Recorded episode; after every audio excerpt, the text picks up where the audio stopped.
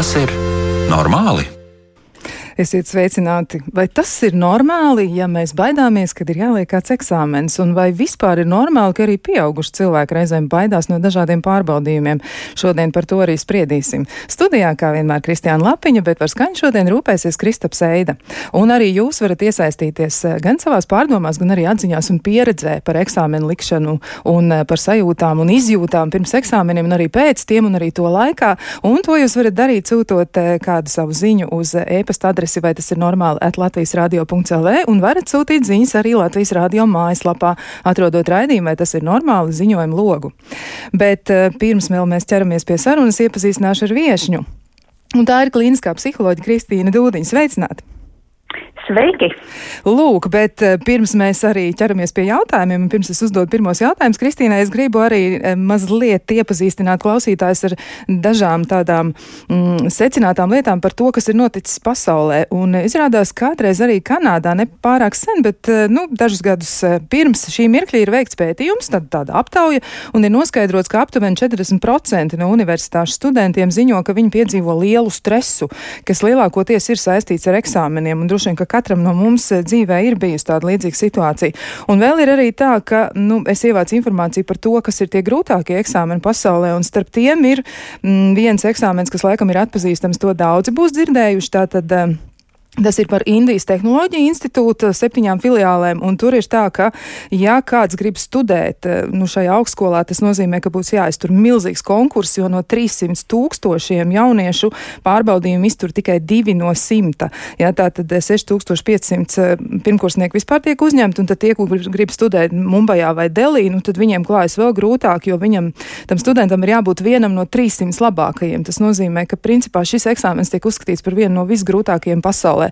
Un e, vēl arī, lai cik tas liktos arī neparasti, viens no grūtākajiem eksāmeniem Bet citā veidā ir somelie eksāmens. Tā tad eh, nu, jāspēj saprast, kā vīns sadara rēdienu, un izrādās, ka tur arī ir ļoti daudz dažādas nianses. Bet, nu, atgriežoties pie situācijas, kāda ir šobrīd un kāda ir Latvijā, un arī kāda ir gan skolēniem, gan arī varbūt nemaz tik ne jauniem cilvēkiem, arī tiem, kuri cenšas kaut kur iestāties, vai arī kuriem ir jākārto savu pārbaudījumu, nu, atgriezīsimies pie viņiem un mēģināsim noskaidrot, kas tad ir kas. Nu, lūk, un te nu pirmais jautājums Kristīnai. Nu, kā tas nākas, ka cilvēki vispār vispār eksāmenu uztver kā stresoru? Mm -hmm. Var, eh, paldies, Kristiāna. Labs jautājums. Eh, kāpēc eksāmenu uztver kā stresoru? Es domāju, ne tikai eksāmenu uztver kā stresoru, bet jebkura jauna situācija, jebkura situācija, kur mūs vērtēs, kur mēs īsti nezinām, kas tad notiks, tā situācija nav prognozējama, vai tā vienkārši ir jauna situācija priekš mums, uh, izraisa stresa reakciju, kas palīdz mums mobilizēties Tad uzlabojot mūsu domāšanu, mēs kļūstam efektīvāki, mēs esam safokusēti tieši uz to, kas mums jādara. Tātad, principā, stress mums palīdz sagatavoties eksāmeniem un parādīt savu labāko rezultātu. Nu, ja nosacījumi, protams, ka tas stress nav pārmērīgs, jo tad izsit baterijas, un tad mēs vairs nemaz nevaram padomāt, varbūt, ja? Jā, nu par tām baterijām tur ir tā ļoti interesanti, jo es arī mēģināju aptaujāt savus draugus un paziņas Jā. par to, kā viņi ir jutušies, un uh, viena atbilde bija, nu tāda, manuprāt, ļoti, ļoti īstenība atspoguļojoša, un proti viena no manām paziņām uzrakstīja tā, ka viens no grūtākajiem eksāmeniem viņas dzīvē ir bijis 12. klasē matemātikas valsts ieskaita iepriekšējā dienā, lai Jā. mazinātu satraukumu, viņi ir iedzērusi balderijāņu tabletes, un laikam -hmm. jau tomēr maķinīt par daudz, jo pašā ieskaitē tik ļoti nāca miegs, ka nevarēja neko lāgā izpildīt. Nu, kā tas Jā. ir, ka kādam cilvēkam varbūt tas palīdz, un kādam mhm. cilvēkam tomēr tas rada tik nopietnas sekas, ka viņš īsti netiek uz priekšu? Uh, stresu var salīdzināt ar temperatūru. Mums visiem ir kaut kāda temperatūra. Viņa var būt paaugstināta, viņa var būt mazliet paaugstināta, nu tad mēs izjūtam nelielu tādu diskomfortu. Viņa var būt pazemināta, tad atkal mēs jūtamies drusku slikti. Un ir kaut kāds tāds optimāls līmenis, kad mēs varam funkcionēt ar stresu tieši tāpat. Uh, ka nav tā, ka kāds ir pavisam bez stresa. Tāds minimāls stress ir vienmēr, ka mēs esam nomodā un droši vien arī miegā. Uh, un tad ir dažādas mazas situācijas, teiksim, mēs ejam pāri ielai, pēkšņi kāda mašīna nosignalizē, un mēs uzreiz izjūtam tādu ātru stresa reakciju, paskatāmies ātri norēģējam. Un tādu mirkli ir uh, ļoti daudz dienas gaitā. Um, nu, protams, ka grūtāk ir tādās situācijās, ko tu mini, kas ir varbūt nu, tādas izšķirošākas priekš mūsu nākotnes, kā eksāmeni, un, kuriem mēs gatavojamies jau ilgāku laiku, un tad varbūt tā, uh, ka tas uh, stresa reakcija akumulējas. Mēs jau, ja cilvēks jau nedēļām ilgi varbūt uh, kāpina šo iekšējo stresa mobilitātes stāvokli. Un, uh, Nu, tad... Arī, protams, cilvēki atšķiras uh, pēc uh, ģenētiskās predispozīcijas, cik Aha. spēcīgas, intensīvas ir šīs stresa reakcijas. Jā, un tātad tas nozīmē, ka varētu būt arī atšķirība, ja ir cilvēki, kas raizējas un, nu, kā sadzīvē bieži vien saka, streso arī par tādām relatīvi mazākām Jā. lietām. Eh, ja tu runā par stresošanu tā kā par uh, tādu negatīvo stresa aspektu, varbūt es vienmēr cenšos uh, izvairīties, uh, uzskatīt stresu un, un runāt par stresu kā par kaut ko negatīvu.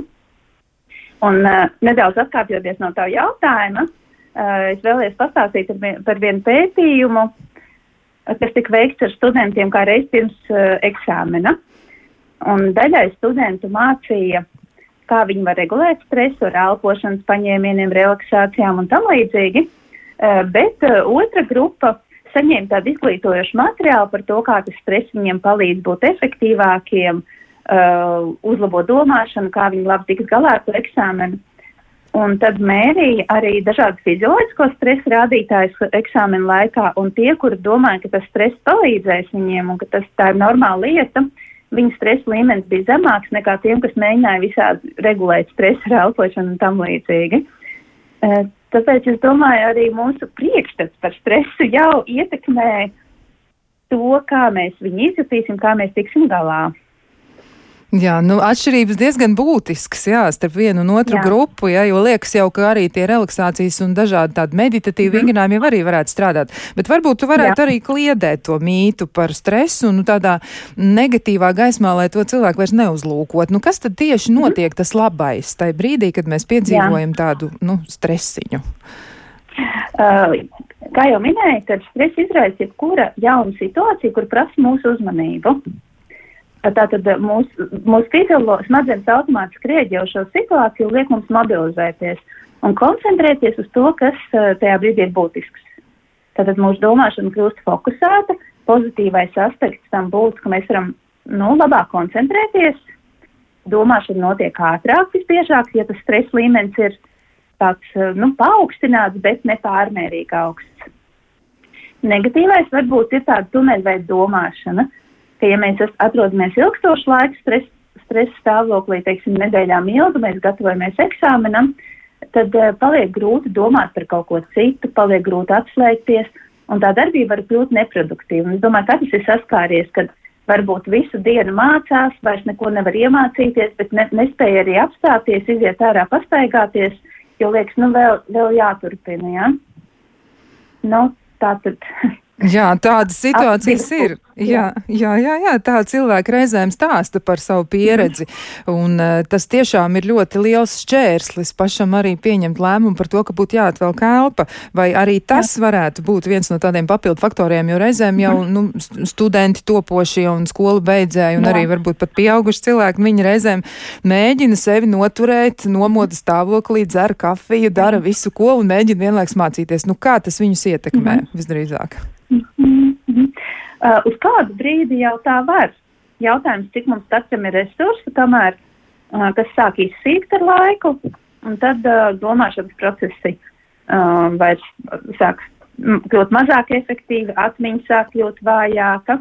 Un tad var sanākt tā, ka līdz eksāmenam cilvēks ir jau tik ļoti iztukšojis sevi, ka pašā eksāmenā vairs nespēja parādīt savu labāko rezultātu. Nu, tāpēc iespējams ir dzirdēts tas uh, tāds ieteikums uh, iepriekšējā vakarā vai no paša rīta nemācīties vēl daudz jaunas informācijas. Ja. Bet drusku paņemt pauzi, atpūsties varbūt, lai tu esi, nu, lai tev ir uh, resursi dažāda veida ķermenim arī strādāt tajā skaitā smadzenēm. Jā, varbūt te arī ir vērts piebilst par to, ka atpūta noteikti ir nepieciešama, jo noteikti jau Jā. cilvēks nu, pārņemts ar domu, ka viņam jānoliek tas eksāmens, mm -hmm. viņš varētu liekt sev atpūtu. Tad uh, varbūt arī var m, sīkāk izskaidrot to, kāpēc Jā. tik ļoti atpūta ir nepieciešama smadzenēm un, un mm -hmm. kāpēc vajadzētu mēģināt pārkāpt sev pāri, ja nevis tās 12 stundas no vietas, bet nu, tomēr laiku pa laikam atpūsties. Jā, es, es, es tūlīt paskaidrošu, kāpēc tas ir svarīgi, bet eh, vēlējos eh, varbūt uzrunāt eh, tādu būtisku aspektu, ko tu tikko minēji, piespiest sevi atpūsties. Jo patiešām, kad mēs esam stresā, ir tas mobilitātes un fokus stāvoklis, ka ir it kā tāda vienkārša lieta kā atpūšanās. Tas prasa lielu piepūli un lielu tādu gribas spēku un lēmumu, kas balstīta izpratnē par to, kāpēc man vispār vajag to darīt. Eh, kāpēc to vajag darīt? Nu, droši vien apkopojot, vienkāršāk būtu teikt, ka patiešām izsīkst uh, ķermenim dažādi veidi resursi, mm, arī informācijas uh, apstrāde, spēja uzņemt jaunu informāciju samazinās. Un mēs redzam, ka pēc noteikta stundu laika, kad cilvēks ir koncentrējies, tad visi šie domāšanas procesi kļūst mazāk efektīvi. Um, no ilgtermiņā tas arī rada paaugstinātu trauksmi, tātad uh, cilvēkam kļūst grūtāk saglabāt tādu optimālu stresa līmeni, kas ļaut viņam būt maksimāli efektīvam, bet ir lielāka iespēja nonākt tādā, ka tu esi vienlaikus izdedzis un vienlaikus mēģini koncentrēties, darīt kaut ko un jūties bezspēcīgs, jo nekas vairs nesanāk. Nu, Jā, un tad tas jau sāk radīt stresu. Jā, ja? jā un tad sarežģītas situācijas. Bet vai tiešām varētu tā būt, ka arī cilvēks mācoties, nu viņam ir ļoti labi ap, apņēmības pilns, viņš ir ļoti labi mm. nodomi, un, uh, un ka viņš izdeg mācību procesā. Nu, ja tie tiešām ir ļoti grūti un tādi sarežģīti eksāmeni, un ir arī tā, ka, nu, studijas pēc uh, savas intensitātes jā. droši vien atšķiras dažādās augstskolās, tas ir mhm. varbūt mazliet citādāk organizēts, un tā varētu arī būt. Vai ir iespējams cilvēkam pašam sevi nodedzināt? Nu, tieši saistībā ar eksāmenu stresu? Jā, pavisam noteikti. Um, varbūt nu, tas droši vien atkarīgs arī, cik ātri cilvēks sāk gatavoties eksāmenam. Ja viņš pēdējās trīs dienas gatavojas, tad droši vien viņš nepaspēs izdegt, tur būs noguris un, un tā. Bet, eh, ja cilvēkam jau visu mācību gadu ir intensīvi mācījies, domājot varbūt par šiem gada eksāmeniem un varbūt vēl citas lietas ārpus skolas, un, uh, nu, vairāku mēnešu garumā, reizēm pat dažu nedēļu uh, laikā var sasniegt tādu spēku izsīkumu, ka iestājas tāda emocionāla nestabilitāte, aizkaitināmība, zūd motivācija, grūti koncentrēties, nekas vairs neinteresē, bet vienlaikus nevar arī atpūsties. Nu, pavisam diezgan bieži patiesībā arī skolniekos es redzu tādas izdegšanas simptomus vidusskolas vecumā. Jā, varbūt, ka to var arī laikus pamanīt. Nu, tu minēji arī aizskaitinājumu, tādu nogurumu un vēl daudz citas lietas, bet varbūt, ka tas vēl kaut kādā veidā izpaužas. Nu, ka ir skaidrs, ka cilvēks ir noraizējies par eksāmeniem, jo noteikti jau ir arī attieksmes atšķirības, jo viena lieta ir tas mērenais mm. stresors vai vieglais stresors, ja viņš tā tiek interpretēts, Jā. bet kā tad mēs līdz tam nonākam? Droši vien, mm -hmm. nu, tas ir saistīts ar uztveri, kā tad es -hmm. raugos uz to pārbaudījumu, vai tu vari arī to sīkāk raksturot? Uh, jā, protams, ka uztvers uh, atšķirības, kā mēs interpretējam šo situāciju, jau arī ir tas, kas izraisa vienu vai citu reakciju, ka pats par sevi eksāmens, nu, viens cilvēks varbūt skatās, ok, tā ir formalitāte, kas man jāizpild, lai es beidzot esmu to skolu pabeidzis, var iet tālāk. Fu, izdarīju.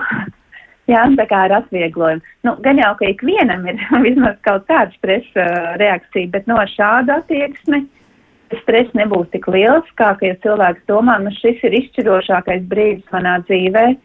Ja es tagad nenokārtošu pietiekoši labi, man visa dzīve ir zaudēta, es netikšu tajā universitātē, kuras vēlos.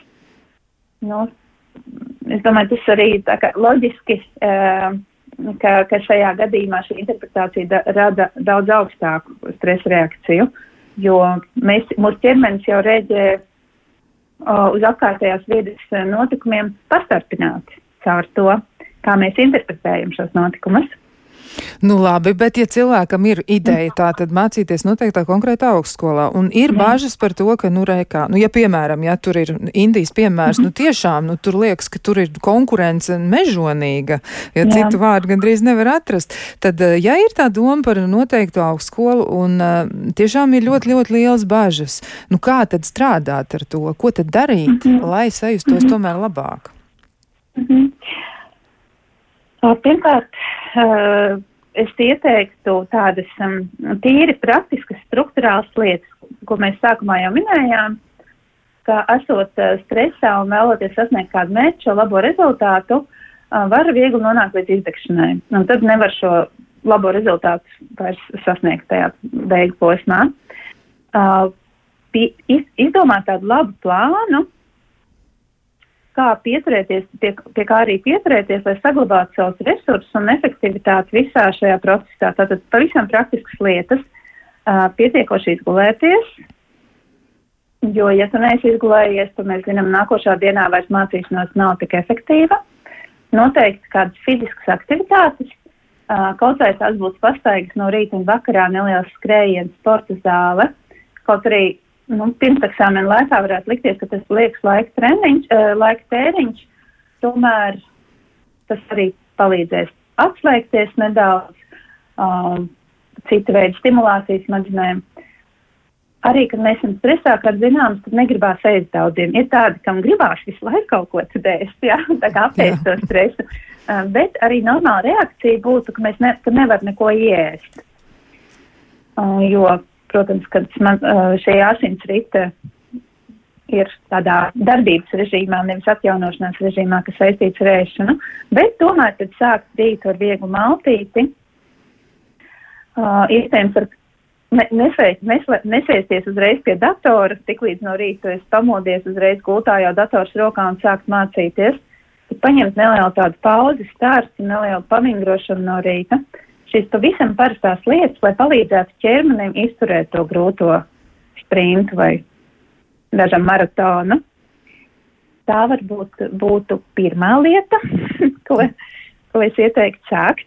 Labi, jā, tā tad liekam aiz auss jāguļ e, un arī jāēd. Jā, un noteikti nav tikai saldumu jāēd, jāēd pilnvērtīgs ēdiens, jo smadzenēm jau arī olbaltumu vajag, ja viņas jau bez, ar tiem cukuriem vien nevarēs iztikt. Nu labi, bet tad tālāk jā. dodoties uz priekšu, ko tad vēl? Es saprotu, ka varbūt šīs lietas liekas tik e, primitīvas pašsaprotams, bet ja mēs paskatāmies, kas notiek tajā brīdī, kad mēs esam stresā, un ko gatavojas eksāmeniem, tieši šīs pamatlietas izkrīt. Viņas Jā, tā ir.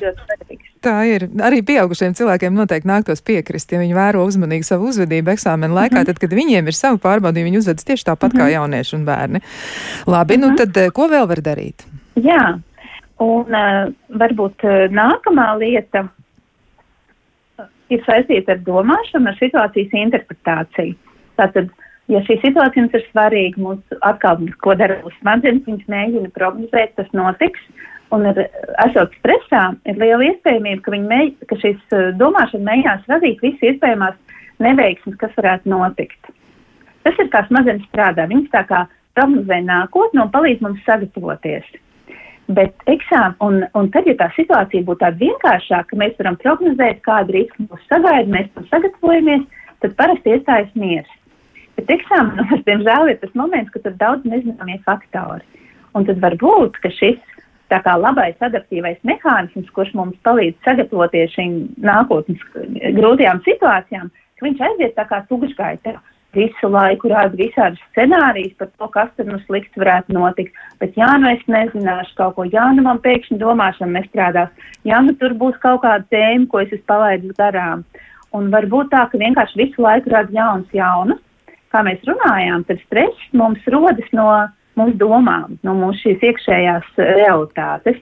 Un, ja iekšējā realitātē mēs nemitīgi vizualizējam tādus negatīvus scenārijus, tad nu, arī nervzinātnes pētījumi parāda, ka ķermeņa reakcija nu, gandrīz jau tā kā tas dzīvē notiktu.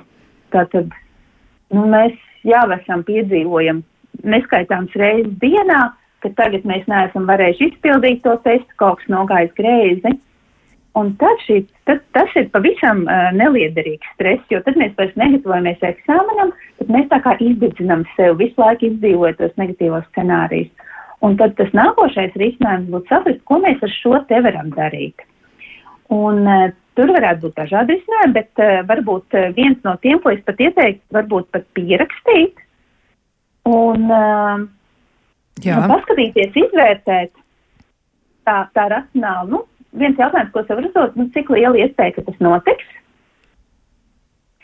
Jo tajā brīdī, kad mēs par to domājam, mēs to iztēlojamies, tas notiek mūsu uztverē jau gan izsaka kā simtprocentīgu garantiju. Ja? Bet iespēja var būt ļoti maza, ka tas notiks. Un tas nākošais jautājums, ko es arī ieteiktu sev uzdot, ir, vai ir kaut kas, ko es varu darīt tieši šobrīd, lai samazinātu risku, ka tas notiks. Tas ir tas, ko es varu darīt. Teiksim, ja es baidos, ka būs tādas tēmas, kas, eh, ko es neesmu apskatījis, vai ir kādas tēmas, nu, ko es zinu vājāk, kur man vajadzētu ielūkoties, vai varbūt kādas citas lietas. Ja?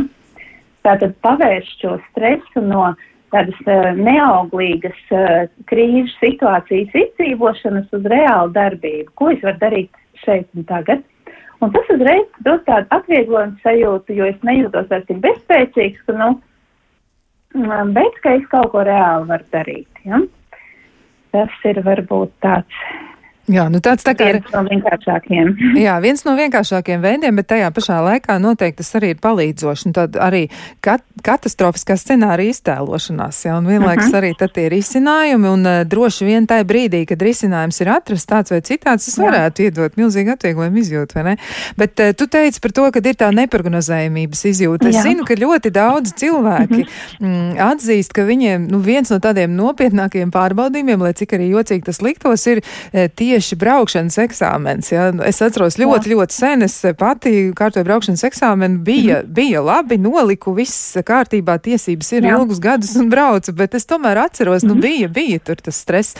Kā tas jā. būtu izskaidrojams, kāpēc cilvēki tik ļoti bieži par to raizējas, un tas, ko viņi savukārt saka, viņi saka, ka viņi domā par to, kas notiks ar citiem cilvēkiem, nu kas tad būs ar tiem jā. citiem, kas būs aiz viņiem, un ka viņi tur par mhm. strauju nobremzēs vai noslēps mašīnu vai, vai kaut kas gadīsies, ja tā nav nav automātiskā ātruma kārba, bet tāda vecāka mašīna jau vai iepriekšējā versija, nu kas tad nu būs? Kāpēc cilvēki domā tik daudz par citiem? Arī tādas situācijas mēdz būt.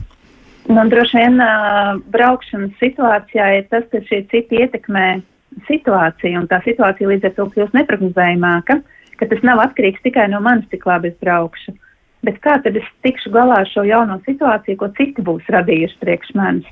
Un kāpēc neprognozējumība? uh, rada tādu palielinātu stresa reakciju, ir, kad smadzenes nevar nonākt līdz tam, līdz tai problēmai, skaidri nodefinēt, atrisināt viņu.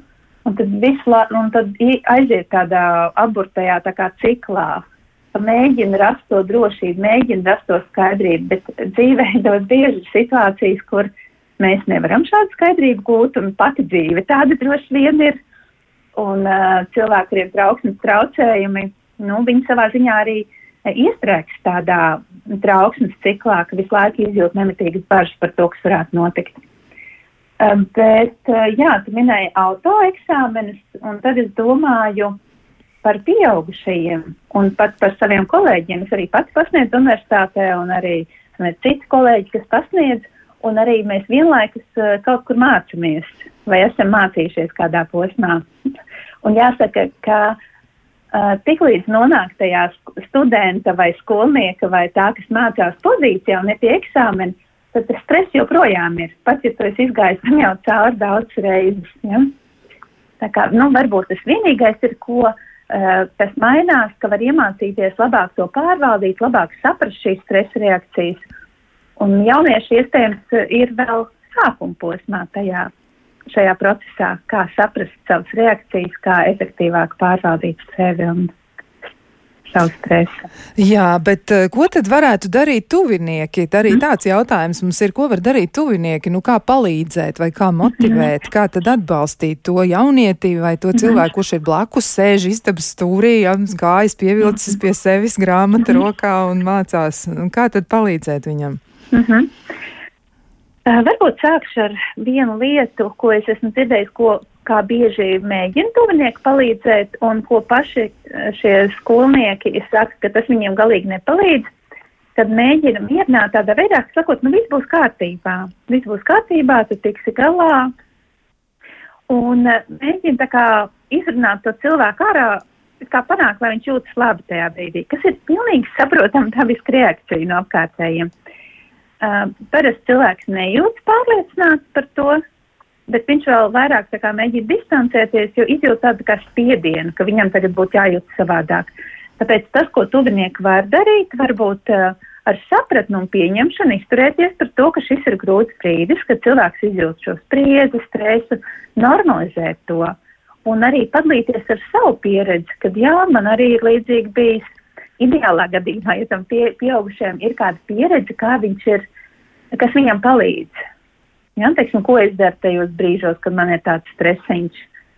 Bet vienlaikus tomēr ļaut tam jaunietim justies, tā kā viņš jūtas. uh, varbūt uh, piedāvāt kādu palīdzību, atbalstu, kas ir tāds tīri praktisks, iespējams, iziet kopā, paskriet, pastaigāties. Bet tomēr neizdarīt pārāk lielu spiedienu par to, ka viņam būtu jābūt ļoti mierīgam šajā izaicinošajā brīdī. Nu, tā tad atzīt viņa stāvokli, atzīt viņa jūtas, jā, ja? viņš tiešām jā, pieņem, būt. Jā, atzīt. Jā, nu mums vēl ir daudz jautājumu par to, vai tas ir vai nav normāli, ko cilvēki dara eksāmena laikā, bet par tiem mēs turpināsim Jā. runāt pēc ļoti īsa brīža.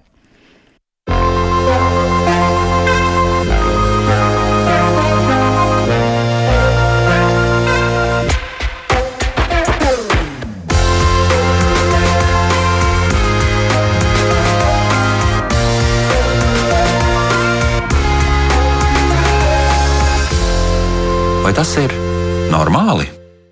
Nu, re, mēs turpinām sarunu par to, kā mēs jūtamies eksāmena laikā un mēģinām aptvert arī visas vecuma grupas, gan pavisam jaunus cilvēkus, gan arī tādus, kas jau ir pieauguši un nevienu vienu eksāmenu savā dzīvē nokārtojuši, bet joprojām turpina uztraukties. Un eh, tā patiešām ir, jo nu, daži no mums ar to lieliski ir tikuši galā, bet citiem nav nācis miegs, un kāds varbūt pat ir atteicies no kādas profesionālās virzības tieši tā iemesla dēļ, ka ir bijusi tā doma, ka eksāmeni ir ļoti, ļoti grūti un eh, būs grūti noliekami. Nu, gribu arī atgādināt, atgādināt par viešņu. Pie mums viesos ir klīniskā psiholoģija Kristīna Dūdiņa. Viņa arī, starp citu, ir kognitīva behaviorālās psihoterapijas speciālists, un tāpēc arī e, tik ļoti labs padoms, man liekas, deva tieši par to domu mainīšanu. Šķiet, ka šis virziens mhm. ļoti to uzsver un ar to arī daudz darbojas. Bet, um, Nu, vēl tāds jautājums arī par to, varbūt ir arī tā, ka mācoties eksāmeniem ir neproduktīvas mācīšanās stratēģijas, ja paņēmieni, vai tā varētu būt, ka tas, kas notiek eh, iepriekš, nu, vai cilvēks ir apguvis varbūt kaut kādu noteiktu veidu, kā mācīties, bet tomēr tas nav bijis efektīvs, un varbūt skolas laikā tas ir strādājis, bet tad, kad ir eksāmeni, un kas ir lielāka apjoma eksāmeni, nu, tur tas īsti vairs nedarbojas. Ko tu teiksi par mācīšanos un mācīšanās paņēmieniem? Oh. Patiesībā par uh, tādu pedagoģiskajām pieejām es varbūt uh, tik plaši arī mm, neesmu specializējusies un pētījusi, kas šobrīd būtu atzīts par efektīvākajām metodēm, uh, bet, protams, ka ir dažādas pieejas, kas strādā labāk, un tāda iekaušana, ko mēs tradicionāli darām, šobrīd jau netiek atzīta par tik efektīvu. Nu, tā kā viena no tādām plašsazītām pieejām vairāk tādu multisensorāku. Mēs izmantojam dažādas informācijas kanālus. Iespējams, ka mācās varbūt nevis no viena materiāla, bet izmanto gan vizuālās uzskatas līdzekļus, varbūt gan paklausās, varbūt dažādas mācību līdzekļus izmanto. Tā kā tā, tā informācija būtu tā daudzveidīgāka. Un tad viņi arī vieglāk paliek atmiņā. Mēs viņu arī sasaistām varbūt kopā ar citām informācijas vienībām. Nu, mēs tā kā neiekaļam tādas atsevišķas lietas. Uh, bet, protams, arī katram ir uh, savas individuālās, uh, varbūt, preferences šajā ziņā, ko ir labi atklāt un saprast, kas no kuram strādā labāk.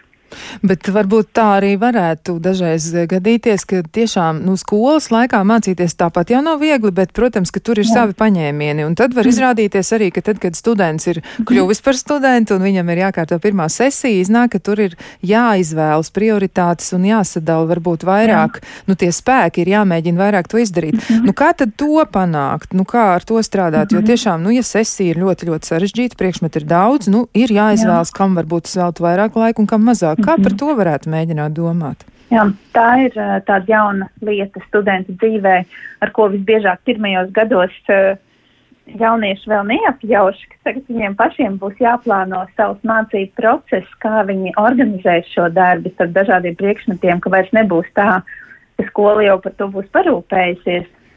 Un, uh, nu, tāpēc jau mēs zinām par pēdējo nakšu mācīšanos, kas, kas tik raksturīgi studentiem, vai ne? Um, nu, droši vien nepateikšu neko jaunu, kā efektīvāk, protams, būtu mm, ieviest kādas plānošanas uh, stratēģijas, teiksim, kādas vizuālas, varbūt kalendārus, kur sarakst iekšā būtiskākos um, mērķus, varbūt eksāmenus, pārbaudas darbus, un drusku arī tos uh, soļus, kas ir ne, kurus nepieciešams veikt, lai līdz tam nonāktu. Man pašai patīk, ka, ka man ir tādā vienā lielā kalendārā, un patiešām es tad ar krāsu kodiem iezīmēju tādas lietas, kas man ir jāizdara, lai sasniegtu katru no šiem priekšmetiem. Nu, līdzīgi tā kā projektu vadītāji to dara. Jā, nu eksāmens jau ir arī Bet, savā ziņā projekts. Jā. Taisnība. Jā, tieši tā, tieši tā, sadalīt šo mērķi, kas ir eksāmena nokārtošana mazākos soļos un apmēram ieplānot, nu, cik daudz es varētu izdarīt tajā laikā, kas man ir atlicis līdz eksāmenam, kā es šos darbus sadalīšu pa dienām un mēģināt maksimāli pieturēties pie šī plāna. Labi, nu tas arī noteikti varētu strādāt, un es uh, domāju, ka ļoti daudziem uh, tas varētu palīdzēt. Bet, um, ja, vai es varu tev jautāt, vai tu atceries savas dzīves visgrūtāko eksāmenu, kāds tev ir bijis? Nu, tiešām par mācībām runājot, nevis par dzīvi kopumā, jo tur jau arī ir daudz -hmm. pārbaudījumu, bet tieši par Jā. mācībām. Uh, tas varbūt nebija eksāmenis, bet skolas laikā mm, man bija jāuzstājas. Man pat liekas, ka tas bija kāds tāds ne, nesarežģīts galīgi priekšmets, vai man mūzikā bija prezentācija jātais vai kaut kas līdzīgs. Tad, kad es mācījos, tad nebija tik ļoti kā šobrīd, kad visu laiku kaut kas jāprezentē, un mēs nebijām pie tā pieraduši. Un man šī prezentēšana radīja tik lielu stresu, ka es nespēju tikt ar to galā, es nespēju parunāt, un es izgāju, izskrēju laukā no klases. Tas bija tāds ekstrēmākais, ekstrēmākā pieredze.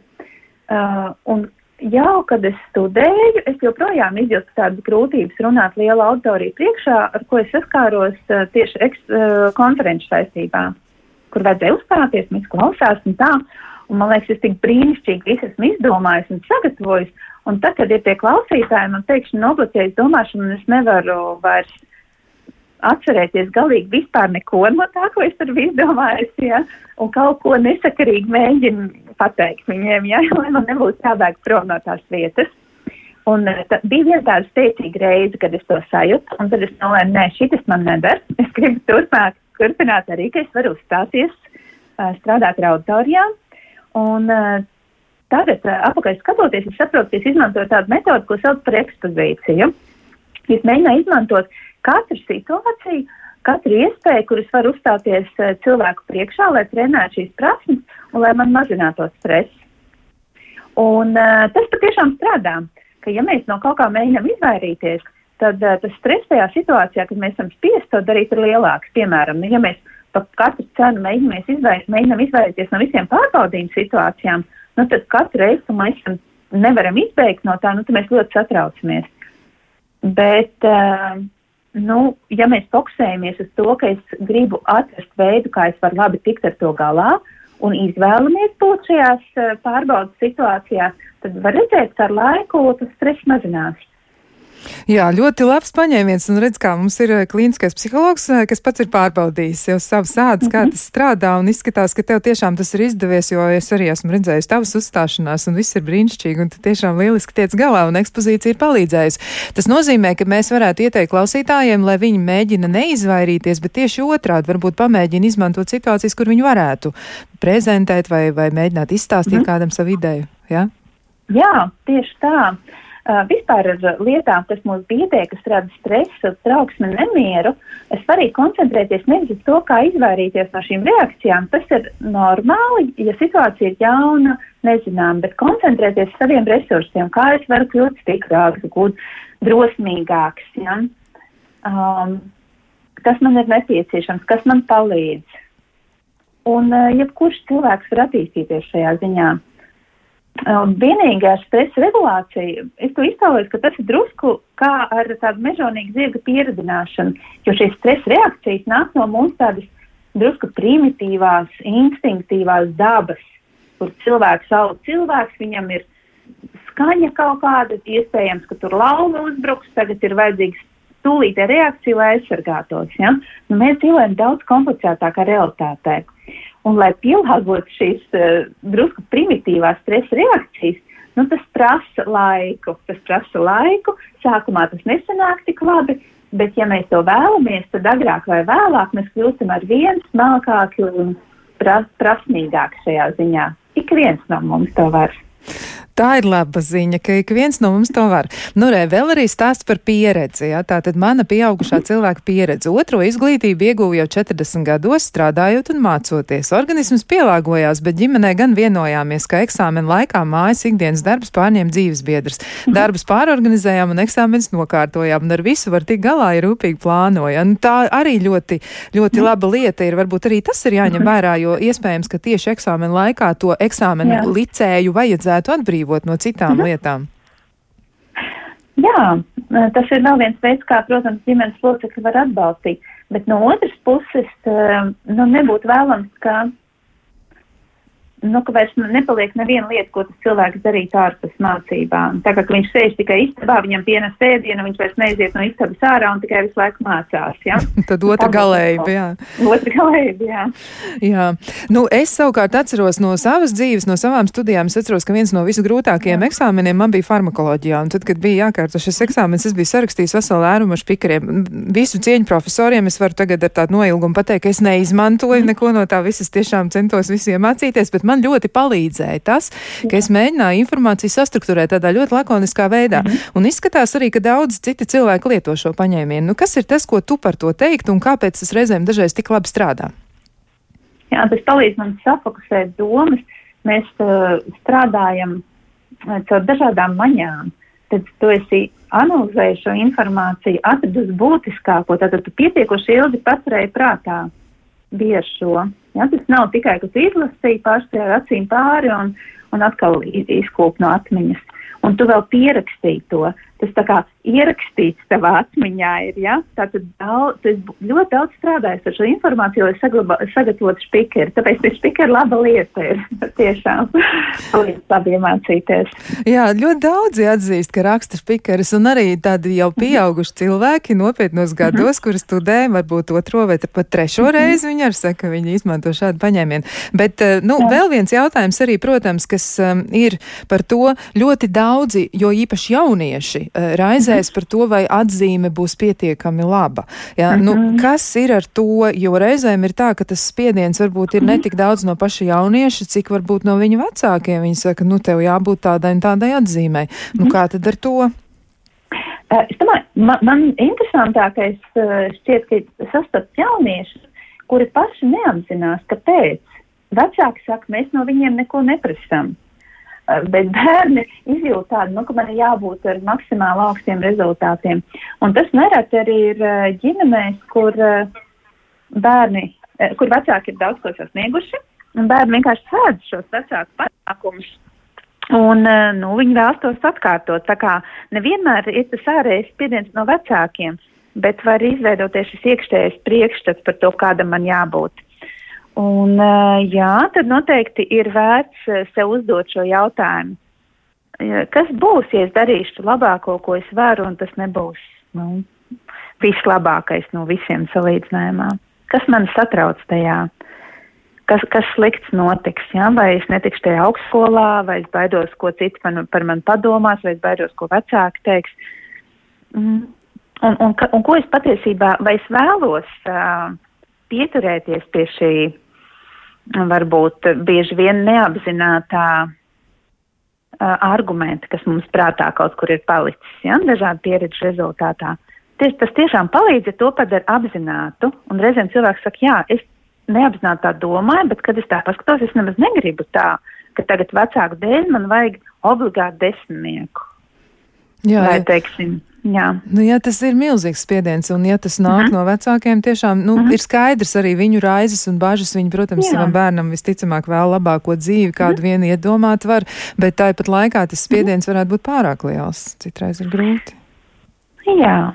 Nu, jā, es domāju, ka lielākā daļa vecāku mūsdienās nu, mēģina atbalstīt bērnus un uh, un, un ne pietiekoši labi jau izglītot par to, ka šādā veidā arī nemaz nevar dabūt tik labs rezultāts, ja fokusējas tikai uz tām atzīmēm. Nu, vēl viens Jā. jautājums arī ir, kas ir vairāk ar jauniešiem tieši saistīts eh, nu, par Jā. to, ka mm, reizēm mēdz būt situācijas, kad jaunietis, eh, nu labi, viņš ir izlēmis, kurā augstskolā viņš vēlētos mā mācīties, bet Jā. sanāk tā, ka nu nav iekļuvis. Ir gadījies mm -hmm. tā, ka nav izdevies. Un tad reizēm tieši vecāki ir tie, kas saka, mācies vienalga, kur, ka tikai Jā. to gadu pavadi. Nu, Kas tas mhm. varētu būt un kā mēs uz to varam raudzīties? Jo iespējams, ka tā pat nav labākā izvēle. Varbūt šo gadu var izmantot kam citam, drīzāk, lai izpētītu mm -hmm. sevi vai mazliet pamācītos vairāk Jā. un fokusētos uz tām lietām, kas ir iecerētas. Uh, šī, vai, vai šī nav interesanta un vērtīga pieredze, kura droši vien, nu, kad dzīves ceļā uh, mums varbūt, gribētos tā, lai mēs izdomājam, un tad mēs visu dzīvi mums ir sakārtot, mēs pa solīti mējam uz priekšu, vai ne? Uh, Bet tad pēkšņi ir šis klupšanas akmens, kurš varbūt liek paskatīties plašāk, kas es esmu, ko es vēlos. Un tagad ir šis, šis gads man, ja? ko es vēlos ar to darīt. Uh, tā patiešām var būt ļoti vērtīga pieredze cilvēkam no sevis izpratnē. Ja? Izkāpt no šiem ierastiem rāmjiem, kā es esmu pieredzējis par sevi domāt.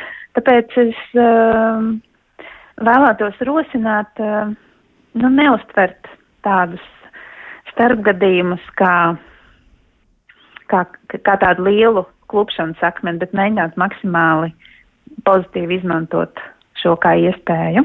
Nu, tā tad uztver un, to kā iespēju, nevis kā jā, zaudējumu, bet kā iespēju. Un tas arī labs Vienmēr. apzīmējums. Tev bija labs apzīmējums par to, ka eksāmens, nenokārtots eksāmens varētu būt starpgadījums.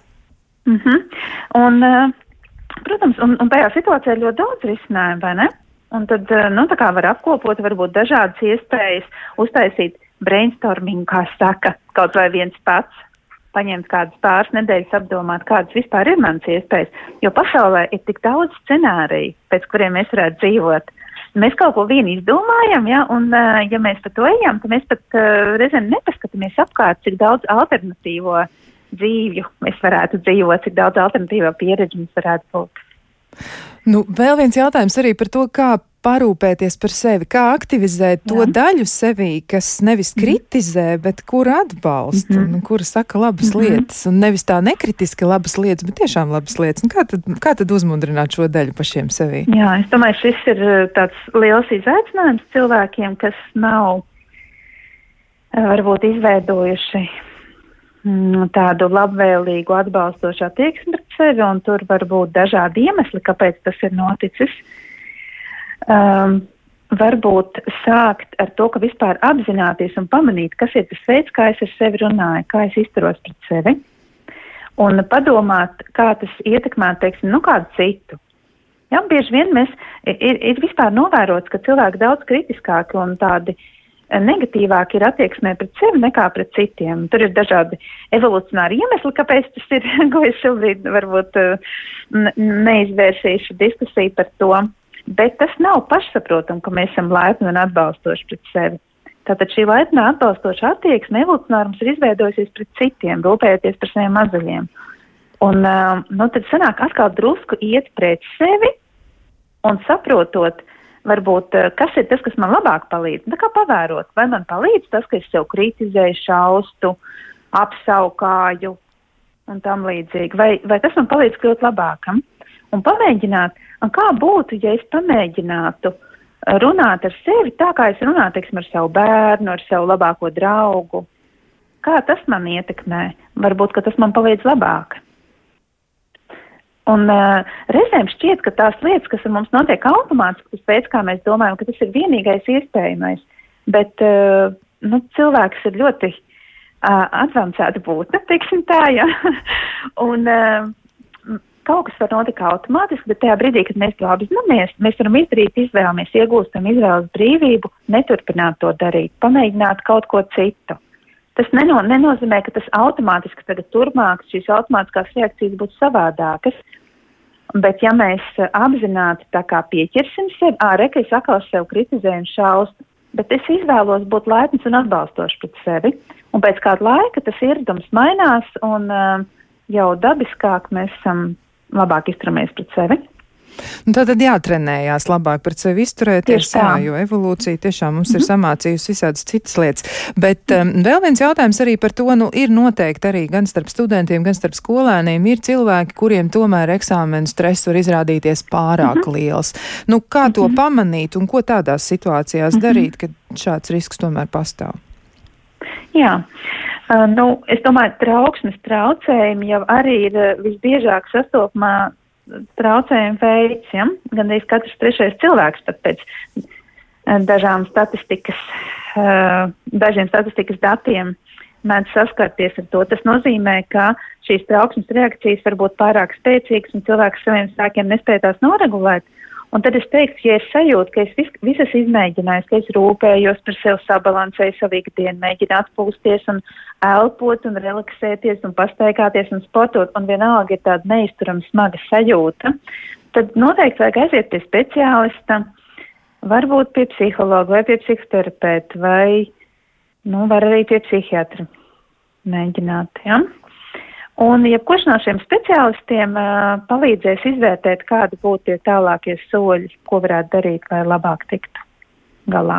Un tā tad noteikti būtu vērts novērtēt to, kas notiek. Un, Jā. ja pieņemsim, tie ir vecāki, kas redz, ka bērnam ir mhm. ļoti, ļoti sarežģīti, nu, varbūt nevajag kavēties Jā. un, un gaidīt, bet nu, tad jādodas un jāmēģina. Tieši tā, ir ļoti labas metodas, dažādi speciālisti, kas var ar šo palīdzēt. Kāpēc mums būtu jācīnas vieniem? Protams, ka ir arī dažādas šīs pašpalīdzības metodas, ko var izmēģināt. Bet šī, reizēm pietiek pat ar vienu vai dažām individuālām sesijām, lai atrastu cilvēks jaunus veidus, kā tikt galā, aktivizēt savus resursus un nu, neieslīgt varbūt tādās destruktīvās uh, izpausmēs. Jā, nu un tad par pašpalīdzību pašā pašā noslēgumā Jā. varbūt ir daži vingrinājumi vai dažas lietas, neskatoties to, ka tu teici pašā mm -hmm. sarunas sākumā, ja, ka visvairāk eh, palīdz tieši informācija un tāda izpratne par to, ka stress Jā. nu, tādās mērenās devās, ja, tā, mm -hmm. tas tiešām palīdz un aktivizē mūs un ļauj mums fokusēties uz tiešām svarīgu informāciju, un būtībā mums to resursu ir vairāk. Bet, nu, kas par daudz, tas par skādi. Mm -hmm. ja, tāpēc varbūt vēl ir daži ieteikumi, ko varētu izmantot saprot katrs pats, esot ar sevi Jā. Ja, un savu eksāmenu situāciju. Nu, ko varētu darīt? Mm -hmm. Jā. Iziet ārā, apmest kādu līkumiņu, pastaigāties, paskatīties, kas apkārt notiek, kaut ko pavērot, mēģināt koncentrēties uz to. Tā kā drusku atslēgt domas, lai viņas visu laiku nav pie tā eksāmena un nebaņas riņķi. Ļoti efektīvi ir elpošanas uh, vingrinājumi, Bet, lai tos piemērotu, tur drusku jāpatrenējas. Visbiežāk cilvēkam tas nestrādās, jo viņš to nekad nav darījis, aiziet uz eksāmenu un tad mēģina nomierinoši elpot. Bet, protams, ka var mēģināt, bet es teikšu tā, bez garantijas par rezultātu, ja tas ir nu, tāds spontāns um, eksperiments. Un es varu varbūt īsti pastāstīt vienu tādu elpošanas paņēmienu, ko es izmantoju pati un ar saviem klientiem, jo elpošanas vingrinājumi ir simtiem. Jā, nu tad šis viens varētu būt ļoti labs noslēgums sarunai stāstī. Labi, tā tad pirmkārt pievērst uzmanību savam ķermenim un pamanīt, kur tas stress ir manā ķermenī. Ar skatienu kā pāriet pār savam ķermenim, pamanīt, vai man ir kāda saspringuma, pamanīt vispār, kā es elpoju. Tad sakoncentrēties savā elpošanu, pavērot to. Visvienkāršākais ir vienkārši vērot elpošanu, neko nemainot. Un arī tikai, ja es vērošu elpošanu un mēģināšu koncentrēties to ar laiku, elpa arī paliks mierīgāka. Un stress mazināsies. Tas, ko vēl papildus var darīt, sakoncentrēties uz savu izelpu un padarīt izelpu garāku. Tātad uh, ielpu atstāt tādu vieglu, kā tā ir, un, bet koncentrēties uz izelpu, tātad drusku garāku, tādu līganāku. Uh, un dažas reizes tikai uz izelpu, un tad arī pievērst uzmanību, ka līdz ar izelpu es atslābinu savu ķermeni. Ar katru izelpu es tā kā iz, izlaižu šo stresu ārā, un tāds kā atslābuma vilnis man pāriet pāri. Var starp izelpu un ielpu ar laiku arī sākt tādu dzīves pauzītes ievērot. Tātad es viegli līgan izelpoju, pauze, dabiski ielpa, pauze gārāka, izelpa, pauze un tā turpināt. Bet patiešām iesaku šo patrenēties vairākas reizes dienā, izmēģināt dažādās situācijās. Nevajag to darīt ilgi, pietiek ar pāris minūtēm, bet savs ķermenis ir jāsajūt, jāsajūt, kā es varu būt kontaktā ar sevi, lai strādātu. Nu, ko paldies tev par tiešām ļoti jaukiem un tādiem uh, palīdzošiem padomiem un arī par uh, skaidrojumiem, kā tad tik galā ar eksāmenu stresu. Un uh, ar jums, klausītāji, studijā bija kopā Kristiāna Lapiņa un saruna biedrene bija Kristīna Dūdiņa, kur ir klīniskā psiholoģija un arī kognitīva behaviorālās psihoterapijas speciāliste. Un vēl arī cilvēks, kas tiešām nu, daudz var palīdzēt eksāmenu stresa gadījumā. Bet klausītājiem mēs novēlam mēģiniet paelpot, mēģiniet atslēgties no tā visa, kas notiek ar jums, eh, nu, tajā nozīmē, ka jūs drīkstat eh, paēst pusdienas, jūs drīkstat atpūsties un drīkstat mazliet pastaigāties, un tad jau arī varat doties atpakaļ pie mācībām. Lai visiem veiksmīgas sesijas un lai izdodas nokārtot visus eksāmenus, mēs ar jums tiksimies kādu citu reizi. Ar labvakar!